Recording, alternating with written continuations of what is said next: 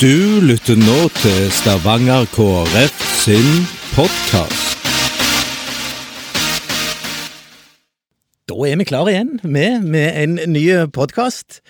Det er alltid veldig kjekt å få samles rundt dette bordet her og få komme med saker og ting som folk har interesse av, forhåpentligvis når det gjelder politikk i Stavanger-politikken. Og oss, det er jo i dag den vanlige, vanlige gjengen. Det er Marie Jones Brekke, Ann-Kristin Brøns og Henrik Halleland. Dette er veldig kjekt. Vi, vi, vi har òg med oss i dag eh, besøk. En som sitter her med et strikketøy. En mann som sitter med et strikketøy. Det er jo ikke så det er kanskje ikke så veldig ofte det, men, men det er i god historisk ånd. Det skal vi komme tilbake til. Det er en veldig stor entusiast av Hans Nilsen Hauge, som vi skal snakke med i dag om Hans Nilsen Hauge, og om politikk, og om lokalt Stavanger, og, og mer til.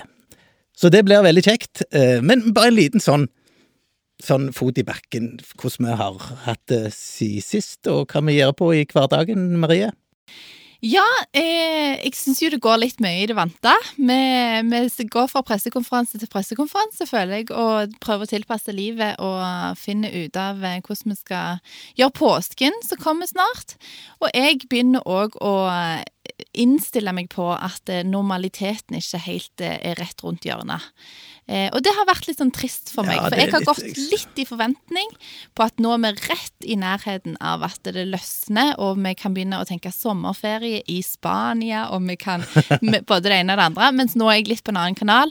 Nå sitter vi og ser på om vi skal leie oss ei campingvogn og kjøre rundt i Norge til sommeren. og tror det blir eh, enda litt lengre til. Vi kan eh, leve helt som normalt. Ja, men norgesferie, det er flott. Ja, iallfall hvis sola skinner, men det er du jo ikke helt sikker på. Ja, det, det, det, jeg tror dette som, værmessig tror dette blir en bra sommer. Å, rett og slett. takk, Henrik. Ta til meg den. Ta til meg den. ja, det er godt. Ja, jeg har det bra, jeg. Jeg, i grunnen tilfreds. Nå, var det, nå er det slik at når du har fått større unger, og de er flytta ut, og så tenker du kommer de hjem, eller kommer de ikke hjem til påske, og plutselig så sto hun jenta mi, som da går på skole, hun kom hjem plutselig overraskende nå i helga. Det var en stor opptur. Og det var kjekt. eh, Å samle folk igjen. Eh, Og så er det jo som Marie sier, det er jo en vanskelig tid å planlegge. Så jeg er litt spent på hvor det blir, faktisk, eh, framover. Men eh, jeg er litt sånn nå, mer enn før. Ta det som det kommer. Det må jeg bare, Den innstillinga må jeg bare ha. Ja, og da nå. tenker jeg at det kommer til å bli spennende. Og vi har begynt å tenke hva kan vi gjøre i sommer? Jo, det kan vi gjøre, det kan vi gjøre. Eller så blir det endringer. Men sånn stay flexible blir vel denne her uh, saying etter pandemien. Vi får jo håpe at statsministeren har kontrollen, da. For skal Ja, vi si det sånn? Mm. Selv om det er litt sånn herskelig tvil om det òg, kanskje. Ja, men jeg syns du fikk litt mye tyn på den der, der altså. Litt nåde må vi ha med, ha med oss når vi ser at andre òg gjør feil. Der likte han. Det skal vi jo. Men jeg må jo si 14 stykker rundt et bord. Jeg, jeg tenker ja, ok. Eh, Hva tid? Altså, det har jo alltid vært 10 og 5. Altså, det har aldri vært 14. Det, det var veldig, veldig sånn eh, Ja, men- Jeg måtte men virkelig tenke, tenke Ja, vi må være litt rause. Og jeg skal være den vi til å innrømme at jeg sjøl innimellom har brutt smittevernretningslinjene. Og vi gjør så godt vi kan, og jeg likte godt han Nakstad som sa 'kast den første steinen Ja, de ikke har brutt si reglene'. Det skulle jeg akkurat til å si. Karsten første steinen. Ja, det, det er et godt bilde som vi Ja. kan bruke. Mm, ja. Spesielt Det i. KrF, som må det er en skikkelig KrF, innertier. Ja. Nei, men det er bra, folkens. Vi må, vi må videre. Vi har besøk. En kar som sitter og smiler bak mikrofonen her. Eh, Tor Øyvind Skeiseid. Eh, sånn, sånn hvis skulle, Velkommen! Hey! hvis jeg skulle bare sånn kort, kort introduksjon, så ville jeg sagt først av alt en, en Ryfylke-entusiast. Er ikke det rett? Jo. Ja, det Pass er en- på det. Pass på det. Ryfylking som bor i Stavanger kommune, men du får aldri meg til å si at jeg bor i Stavanger.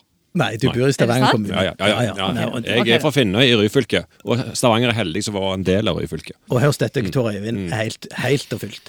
Eh, du, har, du, du er en mann som er interessert i historie. Du har hatt eh, du har liksom spilt mange personer, store personer etter hvert. Ågmund Finnsson, blant annet. Som alle, som alle vet hvem er. Ja, det må vi jo regne med. Styrte landet på 1300-tallet fra Finnøy. Ja, Det var ikke, det. var ikke så mye å styre, da, rett etter svartedauden, men det var ikke så mye folk her. Men Nei.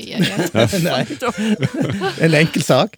Men nå er det en annen, en annen som du, og kanskje oss som er i KrF òg mener er veldig viktige for, for den norske historien, og kanskje òg viktige for, for oss som politikere. Dette med å bygge samfunn og, og skaperkraft og alt dette her. nemlig Hans Nilsen Hauge, som jo 3. april så er det 250 år siden han ble født i Fredrikstad. Eh, Og jeg ser jo det i KrF-sammenheng, så det er alltid sånn at når vi snakker om Halsnissen Hauge, så, så føler vi noe alle, altså det, Vi er litt stolte av det, for det er nok en av de som på en måte gikk, gikk føre og, og, og, og drog opp en vei der.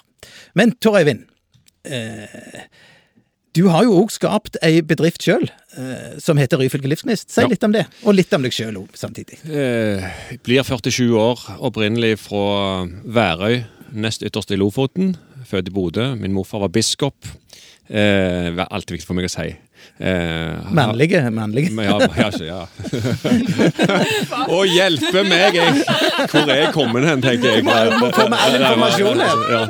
Eh, Stemmer det. Eh, Og så er er det sånn at farsnavnet er fra Skeiseid i Tysvær, så jeg er liksom, Tysvær og Vindafjord er jeg spesielt begeistra for. Far min han bodde i Ølen. Eh, og Ølensvåg. Eh, mor og far møtte hverandre i Bodø, og så til slutt havna vi da på Finnøy da jeg var åtte år. Eh, så jeg er Finnøybu. Og så jobba jeg i NRK Rogaland, utdannet journalist. Sprunget rundt og kommentert på fotballkamper. Viking og Bryne og vekt folk om morgenen i morgenlokalen. Men det er lenge siden nå. 18 år siden. Eh, og fordi at jeg ville hjem til Finnøy igjen. Bodde i Stavanger. Kjempe, gikk en kjempebra menighet i Bekkefara. All honnør og skrøy der. Men fruen er jo fra Finnøy og tenkte meg en dag skal vi tilbake. Og så hadde jeg lyst til å holde på med noen kulturgreier. Eh, og da starta jeg og en kamerat som heter Leif Arild Steen, noe som heter Ryfylke Livsgnist i 2003. Eh, holder på med det folk ikke trenger. Kort og godt. Så, ja, så jeg havna på vet du hva?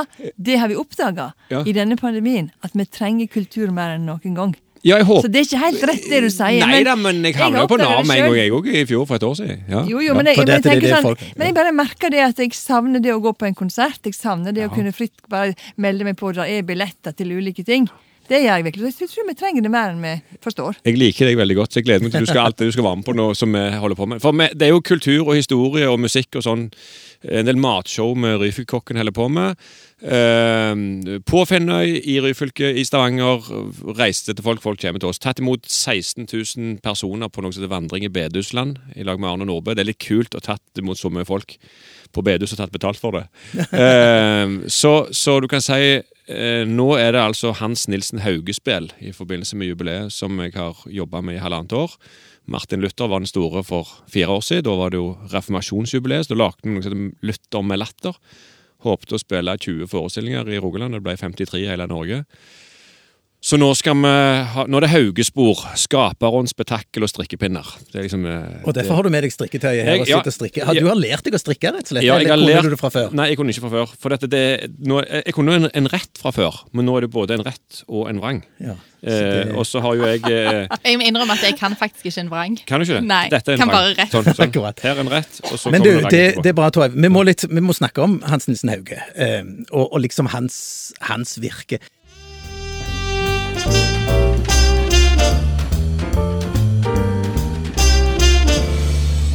Fe feminist. Altså, det er, jo, det er jo noe som jeg har fått et inntrykk av at han var. Eh, og, og, og ga alle en plass. Ja, han ga alle en plass. Eh, jeg tror ikke det var nødvendigvis fordi at nå, akkurat nå, så skal vi sørge for at alle kvinner får den og den stemmen. Men de kvinnene der er dugende folk, så da skal vi bruke dem. Sånn tenkte han. Eh, og det er helt greit at noen kaller han for feminist, og noen kaller han for radikal, og han første som starter organisasjonslivet i, i Norge, og bedrift osv. osv. Eh, han var han, han vokser jo opp på en helt vanlig gard på Rolfsøy ved Fredrikstad. Eh, en av ti barn. Stakkar foreldre, tenker bare jeg. Eh, og så får han jo en åpenbaring som 25 år gammel eh, kar pløyer på en åker mens han synger på Jesus din søte forening og smake. Ja, det var den. Ja, ja, ja. Mig over mitt der jeg gjerne vil miste, når du alene i sjelen kan bo, og sig omsider på døren må liste, hva som forstyrrer min inderlig ro. Og Der der det. kom det. Da, kom, da slår lynet ned inn igjen. For han har, han har jo strevd Dette var mens han var ute og Han var, jo- jobbet. han var jo en ja. ganske, strevde jo med, veldig med trua av seg sjøl. Jeg vil ikke si at han hadde et veldig sånn lystig barne og ungdom. Han var stort sett redd for helvete, for å si det rett ut. Ja, han var jo reist rundt og prøvde å finne seg sjøl Ja. nede på Østlandet. Ja. Sant? Rundt omkring. Og så plutselig Jeg har lest om dette. Ja, her. sant? Og så er det det at han går ifra å ha den der angsten, frykten, eh, en gud som dømmer osv., Ja. Til at eh, Gud elsker meg, så nå er mitt største kallsbrev det elsker Gud og min neste. Og da begynner jo han å gå, og han går og han går og han går. og han går 1500 mil på noen få år. Ifra, kommer helt til Tromsø i nord, eh, Lista i sør. Først er det List på Østlandet, og så vi som bor her i bibelbeltet, hadde aldri og nå er jeg ganske bastante. Aldri vært det samme uten Hans Nissen Hauge. Og da mener jeg både åndsliv og næringsliv. Ja, Det er jo akkurat den der kombinasjonen der som er så interessant for oss eh, politikere. ikke sant? Dette med å, å, å I kraft av min tru så er det rett for meg å skape arbeidsplasser som igjen gir folk lønninger, sånn at de kan på en måte etablere samfunn og få dette til å fungere. Det er, det er en kobling som er utrolig interessant, altså. Ja, eh, akkurat nå leser jeg Det er alltid kjekt å si 'hva bok leser du nå', men akkurat nå leser jeg eh, Svein Egil Omdal har jo gitt ut en bok om eh, Stavanger, eh, som var mer enn det gjerne folk tror. Og han skriver veldig, helt i starten, om haugianerne. Folk tenker haugianere, disse tungsinna, pietistiske eh, folka som åh, det legger så demper på alt. Denne byen hadde aldri vært det samme uten haugianerne. Et navn som Bergesen, har vi hørt det før? Ja. Eh, har vi hørt det? Det er haugianere som starta. Ja. Devold, som kommer fra Ja. dine trakter, Kristin, de er veldig stolte av på Nessingsene. Devold, jeg tror det er 1826 de sier noe sånt. Det er, det er Ole Devold, haugianeren. Det er det. Så når folk går rundt i disse klærne her eh, Sunnmøringene er, er jo stolte av å være haugianere. En, en KrF-er som heter Per Sævik, som gjerne noen kjenner til, Ja, som er bygger på skuter og alt det sånt. Havila, ja, sant. Eh, han har Haugeseminar hvert år. Han sier 'jeg er haugianer'. Og jeg, jeg er haugianer, jeg er blitt bevisst på det nå. Eh, Og haugianer blir jeg, jeg, Og jeg opplever ikke meg selv som veldig tungsindig, men det er den derre Jeg har ei tru, og så har jeg fått et ansvar. Noen vil si det er plikt og grusomt og hele pakken, for han snakker jo veldig mye om gjerninger. Han gjør det. Eh, Men du har et ansvar som, som kristen, og det òg var virksom på jorden. Dog havet sitt sinn vendt mot det himmelske, som Jon Haugastad, den surpumpen av en hauganer. Men det er også, dette her er vi også opptatt av å få folk ut av um, fattigdom, og få folk engasjert, og få folk opp på trua på seg sjøl kunne bety noe. Og bøndene og bøndene fikk jo en tru på seg sjøl gjennom Hauges, Hauges engasjement. Og de, hadde, de var jo, tenkte de kan ingenting, jeg kan ikke lese, jeg kan ikke noe. Og Hauge lærte de også skole. Ja. Det er helt fantastisk hva han har bidratt med i samfunnet generelt. Tenk at det går an at én person òg betyr så mye, og det tenker jeg at eh, vi må ikke ha begrensa tro på det vi kan få lov å bidra med, hvis vi ja, eh, rett og slett eh, gjør en solid innsats, holdt jeg på å si, med det vi har fått. De talentene og de gavene vi har fått, så kan vi få lov å bety en forskjell. Og det syns jeg er noe av det mest inspirerende med Hauge, er jo det der med at eh, vi trenger ikke se lite på, på det vi har, og det vi kan få utretta. Det syns jeg er veldig inspirerende. Hvor mange bedrifter eh, starta han egentlig? Han sjøl starta over 30, og så har han jo inspirert da enda flere til å starte. Eh, og det er noen som har prøvd å telle altså, hvor, er, eh, hvor mange haugianerbedrifter kan du gå tilbake til å finne. Du finner 100, gjennom 150. Sykkylven, det, møbel, det var 13 av 19 eh, møbelforretninger der. Det er er haugianere som starta. Og da er det liksom- og så er det den der delingspolitikken. Sant? Altså vi, og når vi får et overskudd av den bedriften, så skal det gå tilbake igjen til bedriften, eller starte nye bedrifter, sånn at vi flere kan få arbeid. Og da er vi litt sånn Vi sier det i dette spillet vårt, uh, som har premiere på hans bursdag, uh, så har vi sagt at det, det er en slags blanding av um, Coop, Frelsesarmeen og, og Røkke, Gjelsten og I. Altså, Det var en herlig blanding. ja, for det, det altså, eh, Kooperasjon, sant? og så har du omsorgen. eh, Da, sant? Og, og Nå vet jeg ikke om Røkke er hauganer eller ikke, men, men det er altså den eh, sosialomsorgen, det er eh, truslivet, og så er det bedriftslivet. Men dette, dette kjenner jeg litt igjen ifra, ja, men jeg mener det, ifra næringslivet der jeg har vokst opp, og sikkert i Stavanger òg. At det er liksom ikke Jeg tror faktisk, jeg tror det, det er ikke pengene som har drevet de så mye. Det er faktisk det å skape noe, og være til nytte for noe. Det, å, det, det som liksom, du kan regne for å være litt sånn moderne måte å drive et firma, ta et stort overskudd ut i slutten av året, kjøpe deg en flott yacht og ei hytte.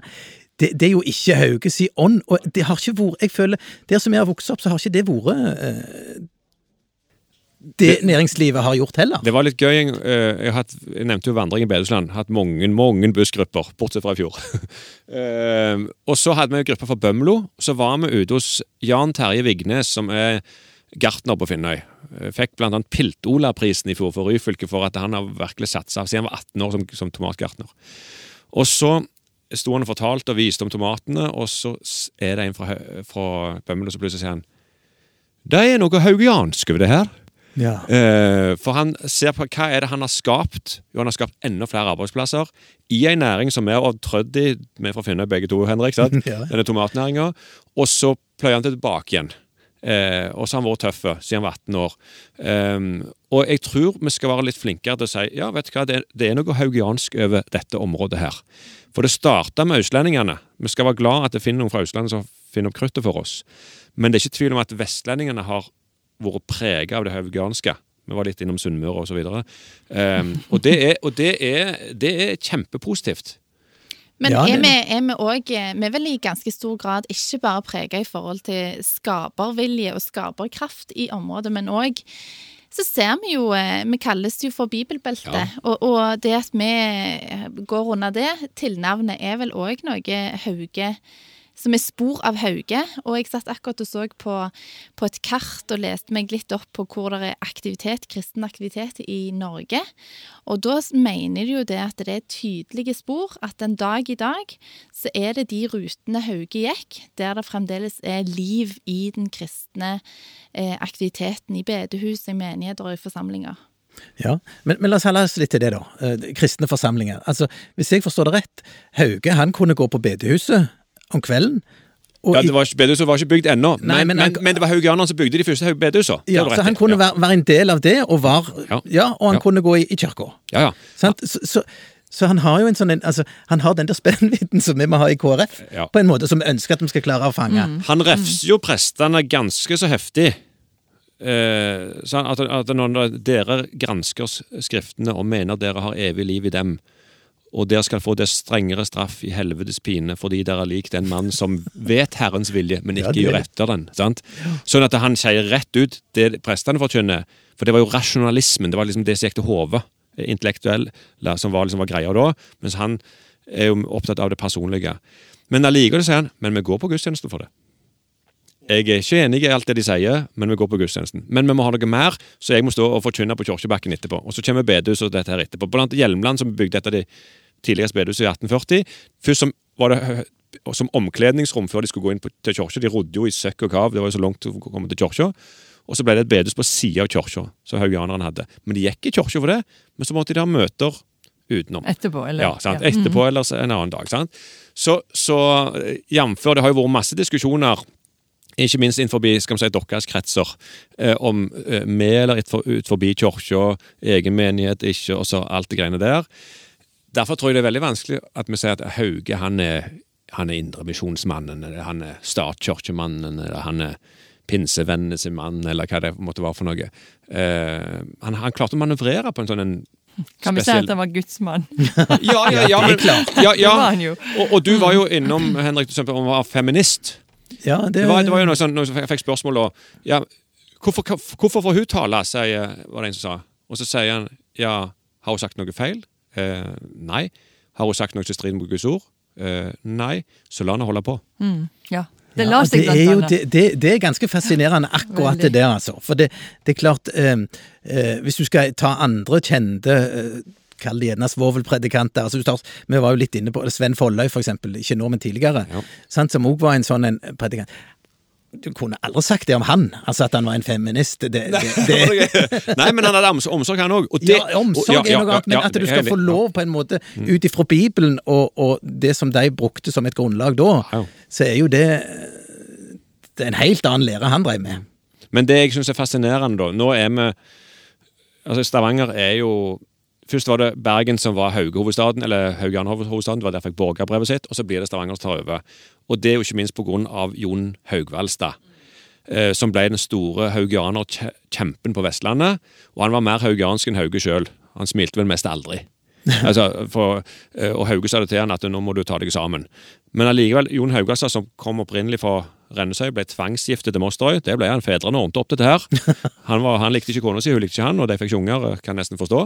Uh, men, han, men han bygde opp Stavanger. Ja. Og det er jo Ja. Nygatens forsamlingshus som Ja. står midt i, midt i sentrum, Ja. og der vi som KrF har hatt en del møter. Og det er jo et historisk sus å komme inn i den bygningen, faktisk. Der er bilde av han Jon Haugvaldstad og alle disse mennene på veggen. Og jeg kjenner på at dette er en arv vi bærer på. Ja, og ikke minst når du sier Historisk hus, Josefinestiftelsen. Ja, Der der- hvor Kirkens By- Bymisjon nå, det var jo han opprettet en, en, eh, en stiftelse, altså en barneheim for jenter som, som ikke hadde det bra. For de var Heimene var ødelagt. Og så har han surpumpen, må bare si det rett ut.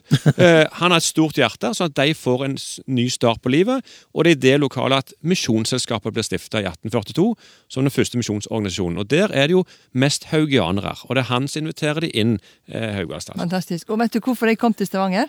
Jeg fikk meg jobb på Josefine Stiftelse Barnehjem i 1985. Ja. Eh, og, og det er fortsatt i drift. Det er landets eldste barnehjem som fortsatt er i drift. Mm.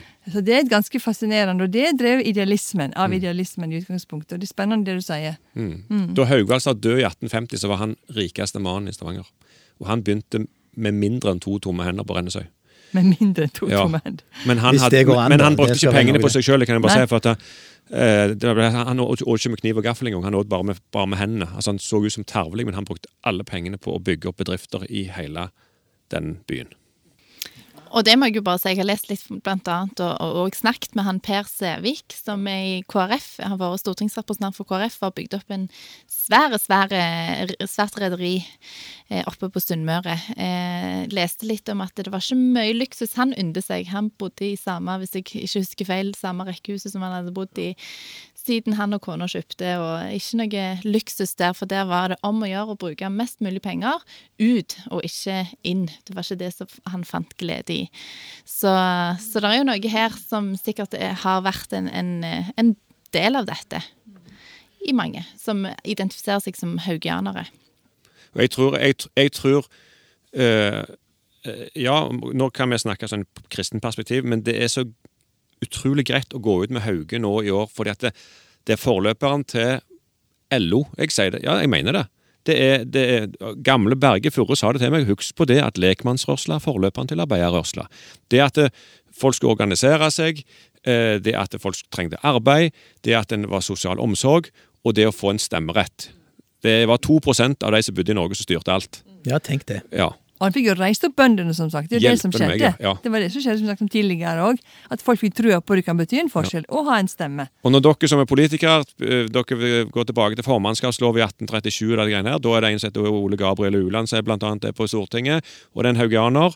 Eh, Og det, det er bøndene som får mer og mer å si eh, for hvordan vi bygger eh, landet vårt. Så mange sier jo at Hauge er den som starta det moderne Norge. Og Ja. det er en stund siden. I lag med formannskapsloven. I lag- Ja, ja, ja. Må ta med den. Nei, men det, altså, jeg ser jo for meg at, at denne Hauge-karen må ha vært en, en ganske sterk personlighet. Og det må være en kar som ikke har vært redd for å våge. For du, du, du ifra å være en bondesønn der, og så bare liksom si nå, nå har jeg virkelig sett noe. Og vi har jo alle hatt opplevelser i livet hvor vi har, hvor vi har ja, fått sterke opplevelser, men å gå til det skrittet som han har gjort, det var, det var tøffe greier. Og velge og Det er klart, straffen Nå så han jo i fengsel flere ganger, var tolv ganger, du sa. Så det, Mm. ja Elleve, siste gang var, det var sa ti år. Det var en tøffing. Men han skrev jo også mye som forfatter. Ja, ja.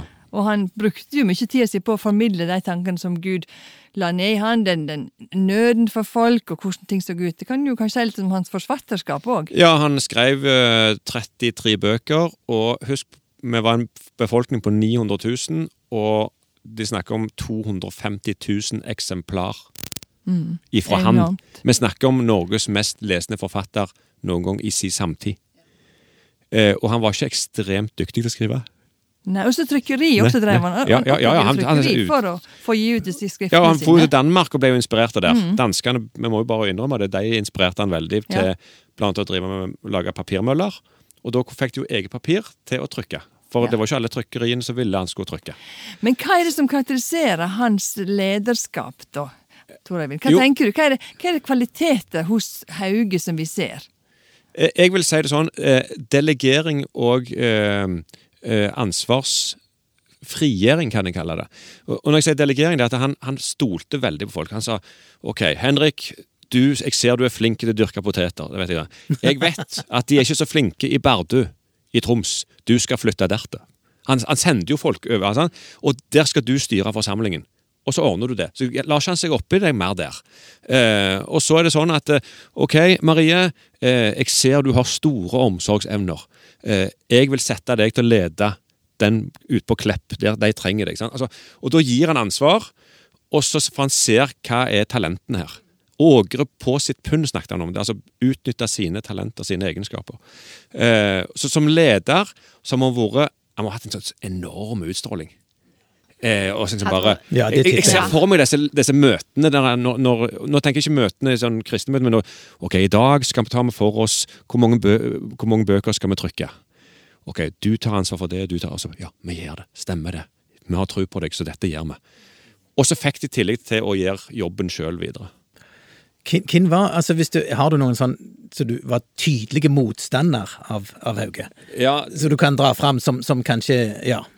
Ja, det, den, den som jo klarte å felle han til slutt, var biskop Peder Hansen.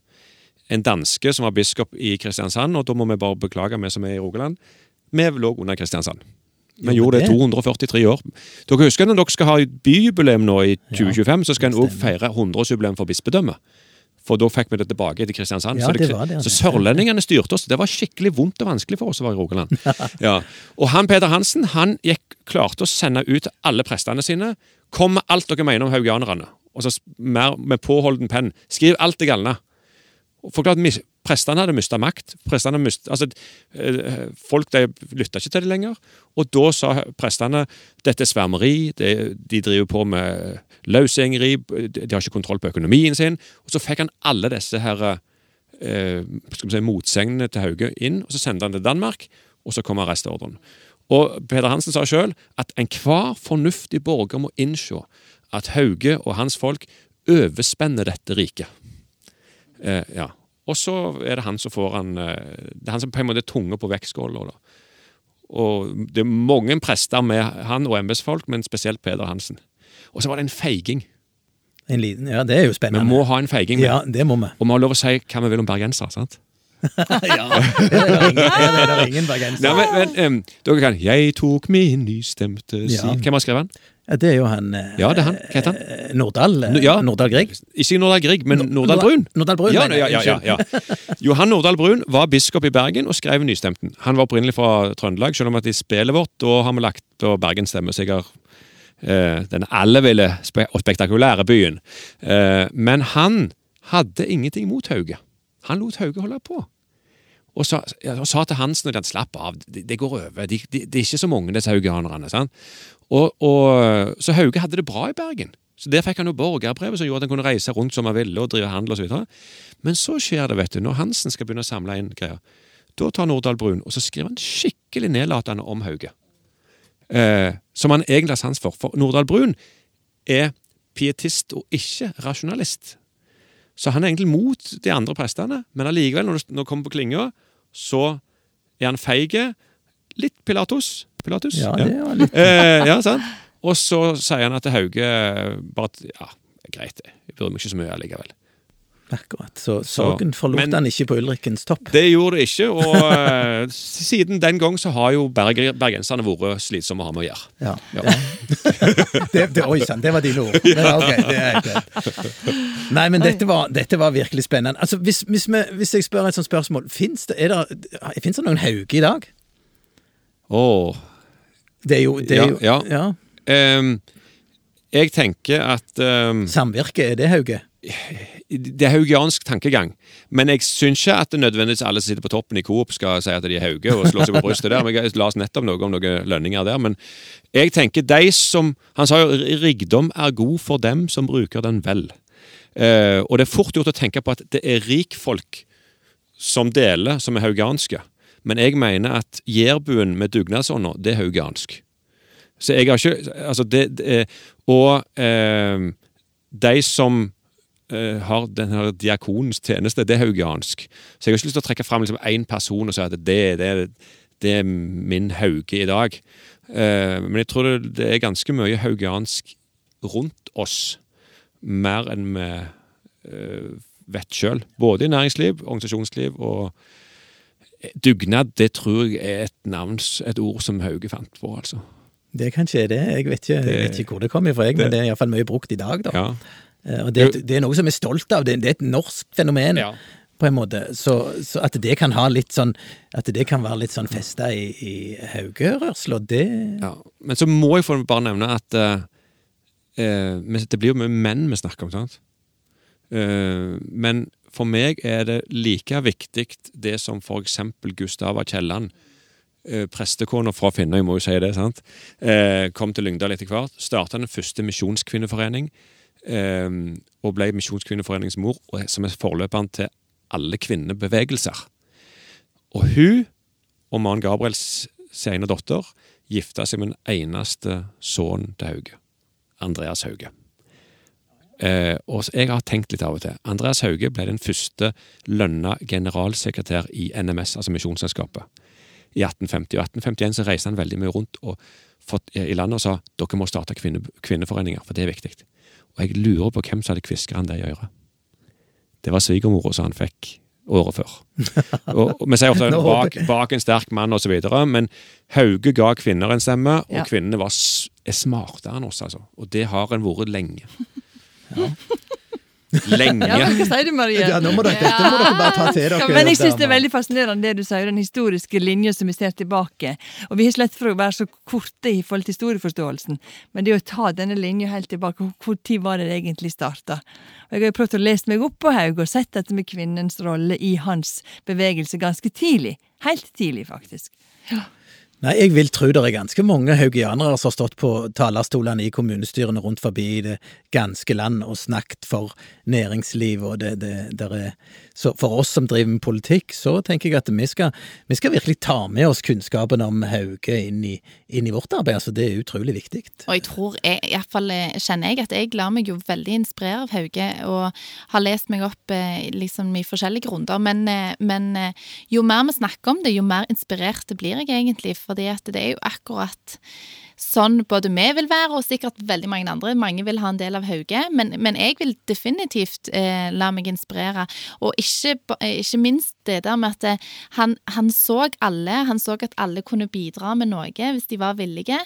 Og, og det òg syns jeg er noe fantastisk eh, menneskesyn, rett og slett. At eh, alle med vårt Noen, eh, noen har veldig mye synlige talenter, noen har de litt mer usynlige, men alle kan brukes, og alle kan bidra. Det syns jeg er noe fantastisk å ta med meg inn i, særlig i politikken. Ja, det er jo utfordringen med å ta og se gullet i folk, og ikke bare se på det som kanskje vi først legger merke til, fordi at alle har noe som de kan bidra med. Det er kjempeviktig. Og jeg blir veldig inspirert, kjenner jeg. Jeg har virkelig dette året med 250-årsjubileum har fått meg til å få øynene opp på en ny måte for Hauge og det han faktisk bidro med for å bygge Norge.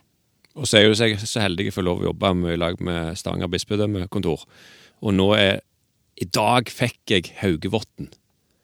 Så nå blir snart mønsteret gjort fritt for alle, så nå kan du få strikke Haugevotten, som er, Oi. ut, er utvikla.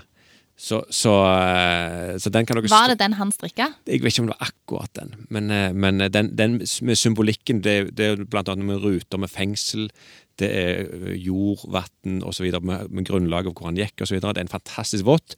Så den kan dere strikke sammen. Så kan dere sende den til lederen for Haugeåret 2021 på nasjonale Vet dere hvem det er? Ja, Kjell Magne Bondevik. Ja, det burde du vite. Takk. Ja, ja, ja, ja. Det er jo veldig bra. Nei, men, men du må finne fram strikketøy. Du, du, har, du har mye igjen. Hva skal det bli til slutt? Um, Et skjerf? eh, det blir nok et skjerf. Det blir, rekt opp litt grann i ny og ne, for jeg glemmer hvor jeg begynte. Ja. Så det viktigste er jeg har det som redskap når jeg synger en rett og en vrang, som er åpningssangen i, i forestillingen vår. Ja, for Den vil jeg jo anbefale at folk får med seg. ja, akkurat det. Og det er det vi skal da bruke litt tid på nå.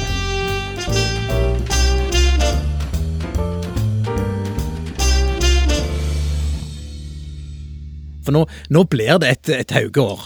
Og, og det, vi syns jo faktisk det er litt spennende at det krasjer med et valgår med. Ja. Jo, for det Ja, kan gi. KrF et lite sånn boost. Hvis vi er litt flinke å bruke denne Hauge-ånda, sant? Nå, for det kommer til å bli mye snakk om det. Du, vet hva? De, de, disse Hauge-komiteene har allerede fått dag på den der Arendalsveka, så det skal være Hauge-debatt på der. Sant? Ja. Og der må jo KrF kjenne sin besøkelsestid. Så, det, så det blir spennende. Mm. Så nå blir det et år med det, og du skal være, du skal være Hans Nilsen Hauge, du nå. Resten av året. I resten av året, og vel så det. Ja. Ja. Eh, Det blir jo mye spill, får vi håpe. Det er jo klart, det er jo litt sånn ut og inn hver dag med disse restriksjonene. Ja, det det er litt Eh, spennende. Og, og alt etter om folk hører denne podkasten før eller etter 3. april, så har vi enten hatt eh, premiere 3. april på hans bursdag, eller så har vi ikke hatt. Eller, altså, det satser vi på. Og så skal vi rundt der folk vil vi skal komme, som er allerede bestilt i, opp til Molde og Surnadal og Volda og Langevåg og Larvik og Strusshamn, og det er masse plasser. Ål i Hallingdal gikk i boks her for et par dager. Det er så gøy. Ja, Det høres ut som du må kjøpe en mye munnbind. ja, eh, det var det som ja. ja, men det er grønt til høsten. Nei, og så blir det mye Nå er det, nå er, nå er det mest i Rogaland nå i, i starten, da. Og så Og vi steiner oss opp. Ja, Ja, det ja, det- Absolutt. Vi kommer. Og så blir det, og så er det Ja. bare, Jeg må si det. Kapittelfestivalen i Stavanger. Ja. Allerede Der skal vi ha to Hauge-arrangement. Mm. Gled dere til det. Ja. Både på Finnøy og i Stavanger. Ehm, og så blir det en sånn egen sånn Haugekveld. Jeg vil kalle det for haugiansk høstfest. Uh, 21. november i eh, St. Petri. Masse ulike temaer med musikk og humor og alt i sammen. Så det blir mange arrangement i tillegg. Vi skal ha et næringslivsarrangement i dag med LO og NHO. Ja, det er jo helt sånn, på sin sånn, plass. sånn frokost i, eh, i, til høsten. Så, eh, og så er det en del så, så hadde jeg Jeg var på St. Olav videregående. Hadde foredrag for 200 elever, altså 100 om gangen, da, om haugianisme og brødrevenner. Det høres kjempemorsomt ut. sant? Det var helt fantastisk å få være med elevene. Som var liksom der i 45 minutter for å høre om Hauge og Gustava og litt sånn. Så dette skal ut til folket. Og det er veldig bra. Ja. Ja, det er vi glad for, og det ser ut som at du kommer til å bidra sterkt Eivind. Kanskje det blir en sånn ny, eh, ny vind over landet, en sånn haugiansk ånd over landet Ja. etter dette jubileet. Ja, men Ja, altså, altså, det er jo på en måte vanskelig å ikke la seg smitte av det, det han på, sto i. Og det tror jeg det er mulig å gjøre om en deler det sterke kristne eh, engasjementet hans, eller om en bare deler det der samfunnsbyggende engasjementet som han eh, sto for. Nei, men det er bra. Vi, må, vi har holdt på lenge. Det var veldig kjekt.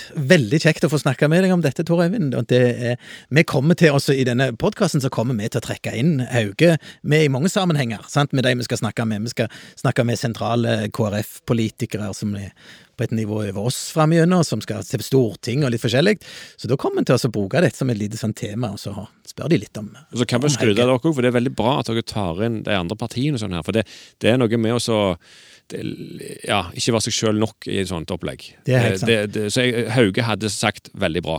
Og jeg tror òg at hvis Hauge hadde levd i dag, så hadde han stått på sida av Bent Høie på hver pressekonferanse og sagt det går bra. ja, det hadde han sikkert gjort. Men dere, vi skal, vi skal, det er jo, det er jo, dette er den siste podkasten før påske. Eh, og og eh, nå går vi inn i påskehøytida om ei ganske kort stund. Har dere planer, Marie? Ja, skal en tur til hytta i Hardanger. Det skal jeg. Ja. Ja. Så da blir det litt påskeferie blir, på deg. eh, hvis det ikke blir helt nye regler. Men vi får jo foreløpig lov å reise på hytta med familie, så det gleder jeg meg til. Jeg tror jeg skal ha en ja. Unnskyld. Nei, kom igjen. Nei, jeg tror jeg skal ha en sånn nødvendig reise til mine foreldre. Det er noe med det å ha en nødvendig reise. Så får vi se og håpe at det vi får gjennomført. Det er jo litt uvisst, men satser litt på det. Du får ta en telefon til ordføreren før du reiser og spør om det er greit at du kommer. Tor Øyvind, har, du- har du noen planer? Du, Ja, du du, du skal bare gjøre én ting, du, og det er pugge. Det, det, det er jo så morsomt, dette her. Ja, nei, påskeaften er det jo da det skal skje. Da skal det være en premiere. Med mindre det kommer nye restriksjoner. Så vi håper at de to ganger 65 personene som har bestilt, kan få se. Ja, det så blir det seinere.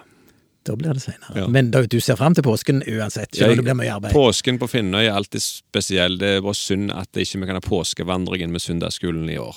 Kunne vi ikke i fjor heller. Vi kom jo 1000 stykker og ser på med seg det. Det, det. det er det kjekkeste vi gjør på, på i påsken. Da er de med på en skikkelig vandring med påskens budskap på Finn. Ja. Jeg vil, altså Påsken er for meg u, altså ubestridt den fineste høytida jeg vet om. Da blir det lysere og lysere, og jeg er jo låst opp i lemming stort sett hele påsken, det er det det går i. Eh, men det er en utrolig opplevelse. Det er ganske mye som skjer om våren, altså. Utrolig med fugler og med dyr. Det er en nydelig tid. Mm. Så jeg gleder meg veldig til det. Og så syns jeg budskapet i påska det er liksom så kraftfullt og sterkt, og for meg så er det enormt flott å tenke på det enorme korset som, som vi minnes Jesus hang på i påska, som rommer all, alt det vi bærer på. Tor Øyvind, du får siste ordet. Kvister. da. Hvem har skrevet Oi, oi, oi. 'Jesus lever, graven brast'? Merker dette som en quiz for Ja, nei, statskirkefolk. Nei, jeg vet Vi ikke. har snakka med han i, i denne podkasten. Er det, det er ikke Hauge? Nei, det er ikke Hauge. Han har skrevet 'Jeg er hos Gud i nåde', en Det er. Haugvaldstad, da. Nei, det er ikke Haugvaldstad. Men Nei, det det- er Ja, jeg sitter og Johan Nordahl Brun. Ja, det er Ja, han. den har han skrevet. Akkurat. Skikkelig opplæring for dette. Nå har vi fått opplæring. Krevende for en pinsevenn. Amen. Ja, amen. Nei, men da har vi vært gjennom det meste. Vi ønsker alle, alle lytterne en riktig god eh, påske. Og så er det sånn nå at dere må bare komme med tilbakemeldinger til oss. Vi tar opp de mest utrolige tema, hvis dere skulle ønske det.